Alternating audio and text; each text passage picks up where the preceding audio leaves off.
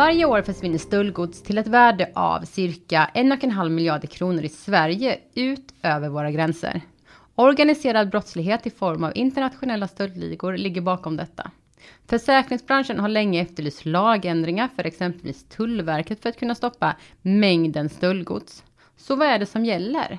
Vad får tullen göra och inte göra idag? Vad ser branschen som möjliga lagändringar? Och vad innebär den tullbefogenhetsutredning som just nu pågår?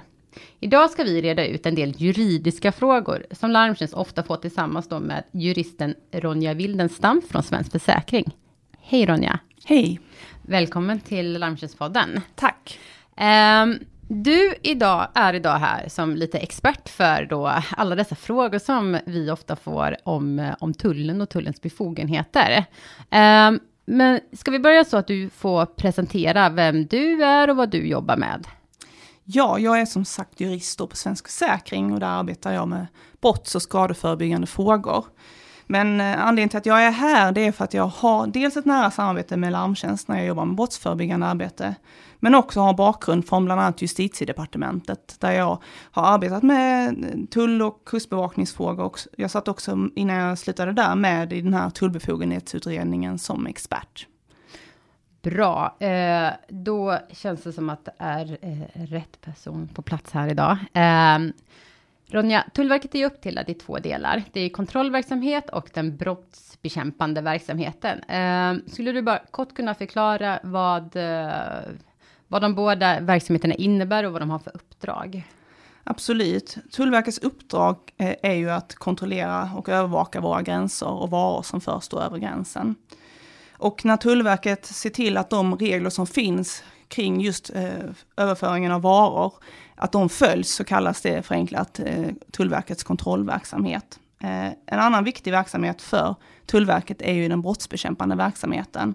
Och det är också kopplat då till varor, nämligen att man ska bekämpa brott som sker i samband med att varor förs in och ut i landet. Och de, det brottet man oftast tänker på är ju smugglingsbrott. Det är ju när man till exempel för en vara som har förbud mot att föras in i landet, eh, om man liksom för den över gränsen. Till exempel narkotika och vapen. Just det. Vi pratar ju om den, då bland annat den här brottsbekämpande eh, verksamheten. Och vi har ju några andra myndigheter som också jobbar då med brottsbekämpande eh, verksamhet. Om vi, kan vi bara reda ut lite, eh, då, vad är skillnaden mellan om vi tittar på Polismyndigheten och då även eh, Kustbevakningen? Vad har det då för uppdrag och vad tittar det på? Det är ju så att det är Polismyndigheten som har det generella och övergripande ansvaret för att bekämpa brott i Sverige. Och det, det är därför om man ringer till 112 och har råkat ut för en situation där man är utsatt för ett brott så är det en polisbil som kommer. Mm. Så de har det liksom övergripande ansvaret att både förebygga och bekämpa brott. När man tittar till exempel på gränsen då, som är de frågorna som vi, i och med att vi pratar om tullen, så är kontrollen av vår, våra gränser helt enkelt uppdelade på tre myndigheter. Eh, ansvaret. Eh, så man har ett delat ansvar där, där Polismyndigheten till exempel står för kontrollen av personer som, eh, som rör sig genom till exempel passkontrollen på Arlanda, så är det anställda på vid Polismyndigheten. Tullverkets eh, verksamhet är ju helt fokuserad på varor som rör sig över gränsen, antingen in eller ut i Sverige. Och det är också den typen av eh, brottsbekämpning de står för. Mm. Så de har ett avgränsat uppdrag. För Kustbevakningen är det ungefär liknande, att man också har ett avgränsat uppdrag. Eh, man tittar bara på vissa typer av brott som utgångspunkt. Och när det handlar om vår gränskontroll till exempel så tittar Kustbevakningen på kontrollen av sjötrafiken. Det kan ju innefatta både eh, varor och personer. Men, eh, men det är ju därför till exempel man ser om man är ute sommartid längs våra kuster så ser man Kustbevakningens fartyg. Det är mm. de som är aktiva på våra vatten. Så så är liksom uppdelningen där polisen har det generella ansvaret medan de två andra myndigheterna har liksom ett utpekat ansvar och det är där, inom, där de får vara verksamma inom. Mm.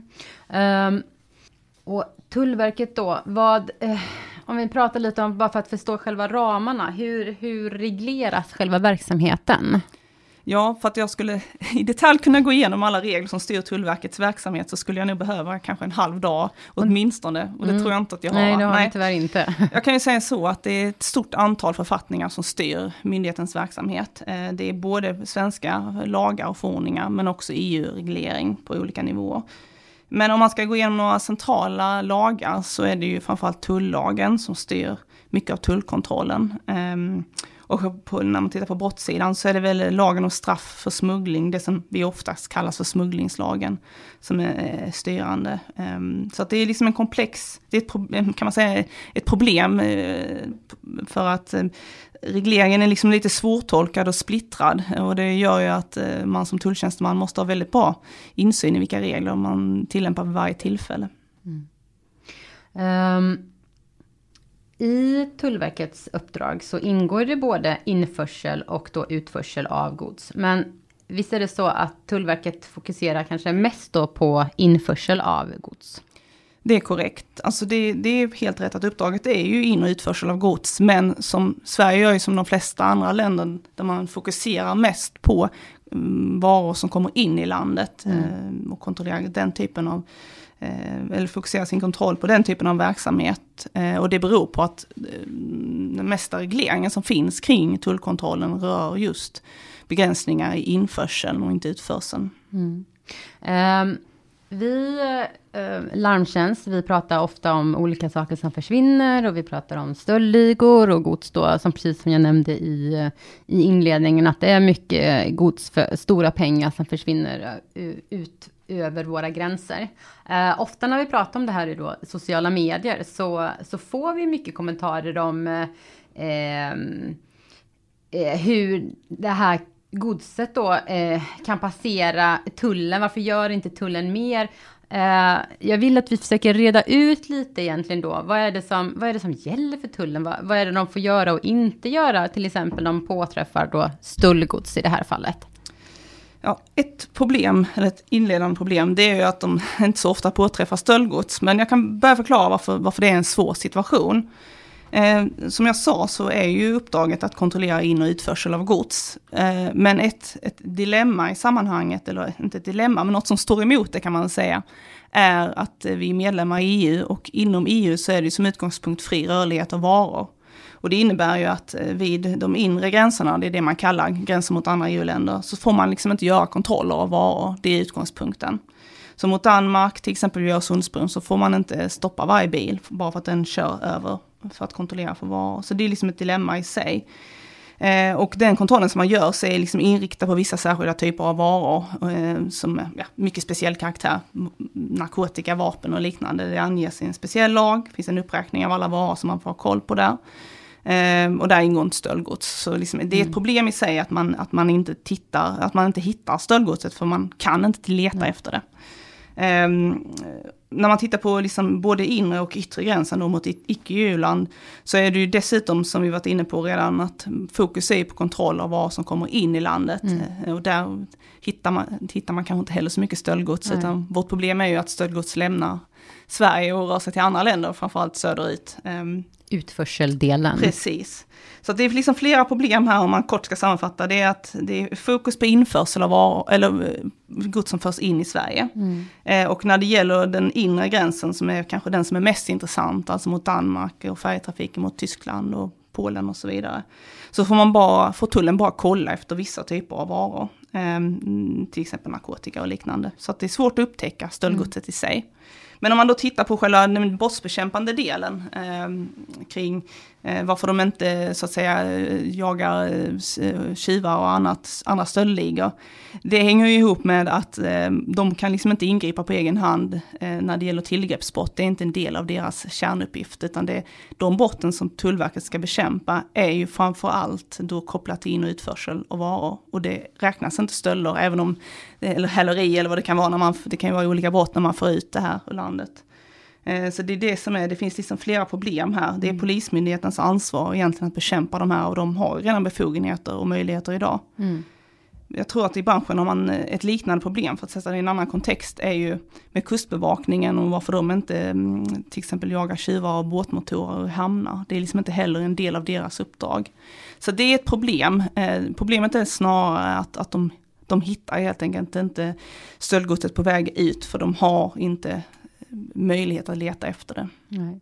De, de, står, de står på den plats där vi vet att den här typen av gods eh, passerar. Men med tanke på hur deras uppdrag idag är mm. utformat och de eh, befogenheter som de idag har, så eh, blir det inte så att det kan eh, jobba med stöldgods på det sättet så att säga.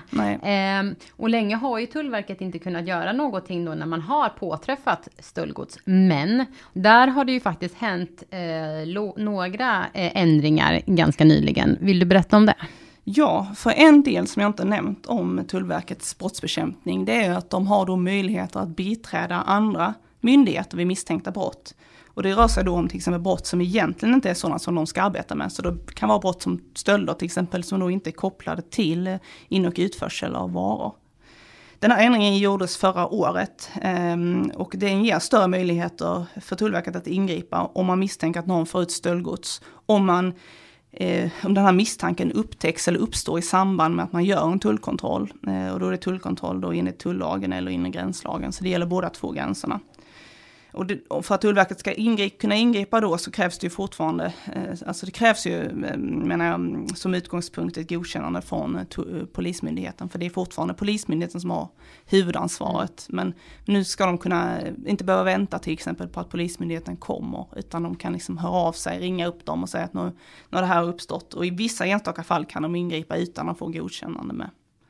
Okej, så den stora skillnaden är att de tidigare inte har eh, kunnat göra någonting när de påträffar stöldgods, medan idag, de får fortfarande inte leta efter stöldgods och gå in på den eh, av den anledningen. Men om de påträffar så kan de i alla fall göra en åtgärd. Precis, om man påträffar stöldgods när man samtidigt gör tullkontroll så mm. får man liksom vidta den här åtgärden. Så det är en förutsättning att tullkontroll görs. Mm. I ans alltså tullkontrollen är steget ett och sen mm. om man som följd av tullkontrollen fattar misstanke om stöldgods så kan man nu ingripa. Mm. Och tullkontrollen då, bara för att förtydliga, då handlar det inte om att de går in, gör en tullkontroll på grund av att de misstänker stöldgods, utan då är det någonting annat. Ja, precis. Något annat. Mm. Eh, och då är, då är man ju tillbaka i den här att det är en ganska begränsad tullkontroll. Eh, mm. men, men absolut, är man där så, så får man ju nu göra det här. Uh, och trots den här ändringen då som har gjorts så är ju inte försäkringsbranschen sådär jättenöjd med eh, Tullverkets då arbete med då eh, eh, utförseln av stöldgods. Eh, skulle du vilja berätta lite om vad, vad är det försäkringsbranschen vi vill och ser för möjligheter? Eh, har, har branschen några egna förslag? Ja, jo, det är ju så att vi är ju inte i branschen helt nöjda med den här ändringen som gjorde. Eller ändringen är det inget i och för sig fel på, det är ett steg i rätt riktning. Det är väldigt viktigt som utgångspunkt och det tror jag i och för sig att alla håller med om, att de brottsbekämpande myndigheterna alla tar sitt ansvar för att bekämpa de här internationella stöldligorna. Så att om Tullverket inom ramen för sin tullkontroll upptäcker stöldgods så är det såklart, eh, tycker vi är väldigt bra att de, att de då ingriper. Men problemet är ju det som jag var lite, hintade lite innan, att en förutsättning för att de ska få ingripa i de här situationerna är ju att de gör tullkontroll. Så att det är liksom första steget är att de gör tullkontrollen. Och det är ju som sagt då begränsad tullkontroll som sker på utförsel av gods. Det är, jag skulle säga att den absoluta majoriteten är in, införsel. Och vid den här inre gränsen då mot Danmark och Tyskland så är det ju i stort sett ingen tullkontroll, i alla fall ingen generell tullkontroll. Eh, och då, den tullkontrollen som sker vid de här särskilt intressanta platserna är ju begränsat till vissa typer av varor. Så där har vi liksom grundproblemet. Ingen tullkontroll och då kan man liksom inte ingripa mot brottet. Och anledningen till att det är så här är ju den, ehm, den fria rörligheten inom EU, men den är ju inte undantagslös, för vi har ju redan idag begränsningar. Exempelvis när det gäller viss alkohol så finns det ju inom EU begränsningar när man ska föra in i Sverige. Ehm, eh, och vi tycker ju då att man bör titta på den här frågan. För man får ju begränsa EU-rättens, eh, alltså den fria rörligheten i EU, får man begränsa om, eh, om, om det har sin, begränsningarna har sin grund i ett godtagbart samhällsintresse, låter det. Och det finns en del andra förutsättningar, men lite förenklat är det så. Och då skulle man kunna tänka sig att Sverige får ju göra avsteg i den här fria rörligheten om det har om det görs för att till exempel upprätthålla lag och ordning i Sverige. Och, eh, ni har ju pratat om tidigare här i, i podden att utländska stöldligor och eh, alla möjliga typer av stölder, transportstölder och annat. Det har ju en väldigt stor negativ inverkan mm. på samhället i stort. Och vi tycker ju att det motiverar att det införs begränsningar, precis så som det finns på till exempel viss införsel av viss alkohol i landet. Eh, och skulle man ha den här typ liknande begränsningar som, som finns i den här till exempel inre gränslagen, att man för upp stöldgods som en typ av vara som tullen får leta efter. Det skulle ju ändra har ganska stor påverkan på vilka, vilka möjligheter Tullverket har. De skulle då kunna stoppa gods som är på väg ut ur landet för att göra en tullkontroll för att se om stöldgods finns. Alltså mm. det kan vara huvudsyftet. Ytterligare ett steg skulle kunna vara att man kriminaliserar, alltså man gör utförsel av stöldgods till ett eget brott. Alltså idag skulle man ju kunna se det som någon form av häleribrott. Men man skulle kunna kriminalisera det till exempel i smugglingslagen. Och då skulle det kunna vara något som Tullverket eh, eh, Eh, liksom får bekämpa utan att behöva hjälp från polisen. Eh, så det hade varit, eh, det hade varit ett, ett stort steg i rätt riktning och det är någonting som både Larmtjänst och Svensk Försäkring har framfört till till regeringen i remissvar och flera omgångar vet jag att Larmtjänst har lämnat synpunkter på liknande mm, på tidigare utredningar som har varit. Mm. Uh, du säger att man ska lägga till då eh, till exempel då, eh, stöldgods som en del som man, en sak som man kan få leta efter, precis som man får leta efter då ja, med vapen och liknande. Eh, vad, han, vad, vad blir det för jag tänker ofta när man gör till exempel en lagändring så är det ganska, kan vara ganska svårt och det är en lång process att få igenom. Eh, vad skulle den här typen av ändringen, eh, hur skulle den ske? Eller skulle den också vara väldigt tung att få igenom? Det, det, det, skulle krävas lagändringar för att det ska vara möjligt och det är inte en helt enkel process. Det finns ju ett dilemma är ju till exempel hur definierar man stöldgods? Det, är, det får vi mm. av, den frågan får vi lämna till de som sitter och skriver på nya författningar. Eh, men man kan, något, något som är positivt eh, är ju att den eh, i regeringsförklaringen som kom för några veckor sedan och i det här Tidöavtalet som de här partierna då har träffat så tar man ju upp den här frågan. Mm. Så det händer liksom saker, saker när det gäller den här förändringen. Det är inte bara, vi på branschen ligger på, men det är inte bara vi som tycker att det är viktigt att tullen gör mer. Så att det, det kommer att ta tid, mm. men förutsättningarna är nog bättre än vad de har varit tidigare i alla mm. fall, eh, för mm. att det ska bli en ändring. Um, Larmtjänst och Svensk Försäkring har ju, som du säger, lämnat ett eh, remissvar till regeringen när det kom ett delbetänkande från ett pågående utredning om då Tullverkets eh, verksamhet och befogenheter. Ehm, vill du berätta lite mer om den här utredningen och vad det, uh, vad är det tittar på för frågor om utförsel av stöldgods och sådär? Ja, jo, sedan förra året så pågår ju den här utredningen som heter Tullbefogenhetsutredningen. Eh, och den har ju sin bakgrund i bland annat att de här reglerna som jag nämnde för Tullverkets befogenheter är komplicerade, inkonsekventa och svåröverblickbara eftersom de är spridda i så många författningar. Och det kom en delredovisning därifrån i september i, i år, eh, där de lämnar förslag då på en ny lag som man ska samla i stort sett alla Tullverkets befogenheter i, i, i då en, en, en ny lag. Och de flesta av de här befogenheterna, det har liksom Tullverket redan idag, så mm. tanken är inte att man ska skapa så mycket nytt, utan istället samla det och göra det lite mer lättillämpligt. Men det, på marginalen så föreslår man vissa nyheter. Man föreslår också, vilket kan få eh, liksom, en positiv effekt för branschen. Att den här möjligheten att hjälpa eh, till exempel Polismyndigheten inom alltså om man upptäcker ett brott, att man sen får hjälpa myndigheten med att eh, liksom, vidta vissa åtgärder. Den utökas till att inte bara gälla en förutsättning för att man ska kunna hamna i den situationen är då inte bara tullkontroll enligt de här två lagarna som jag nämnde, nämligen tullagen och inre gränslagen, utan nu kan du liksom om du gör någon form av tullkontroll enligt andra lagar så ska du kunna hjälpa eh, till exempel polisen om du upptäcker brott då. Och det tror jag är positivt. Eh, när det handlar om då utförsel av stöldgods som är ju den viktiga frågan för oss, mm. eh, så är inte det en del av den här delredovisningen, eh, utan den, den frågan tittar utredningen på nu i då ett tilläggsuppdrag. Eh, och där ska de redovisa hur de ser på saken i, i juli nästa år, så vi får vänta lite. Mm. Men det betyder inte att vi inte gör någonting, för som jag tror att jag har framfört ganska tydligt så är det här en väldigt viktig fråga för oss. Och vi har redan varit i kontakt med utredningen och träffat utredaren och sekreteraren och då har vi från Larmtjänst, eh, eller Svenska Säkring, Larmtjänst och även representanter för medlemsföretagen förklarat för utredaren eh, dagens bekymmersamma situation med de här internationella stöldligorna och vilken effekt det har och påverkan. Både för liksom, eh, våra medlemsföretag men också framförallt för enskilda. Det är ytterst enskilda som drabbas av att åka ut för de här stölderna och framfört då hur vi ser på saken, nämligen att man bör se över Tullverkets uppdrag. De bör kunna göra tullkontroll för fler eh, mer situationer än idag, till exempel utförsel av gods. Och man ska, att vi också tycker att man ska fundera på kriminaliseringen av utförseln. Och det har vi ju som, som du sa då i remissvaret också framfört till regeringen. Så det händer mycket här och vi får säkert anledning att komma tillbaka till det. Men vi är väl mer positiva än vi har varit tidigare. Mm. Att någonting kommer att hända. Just det.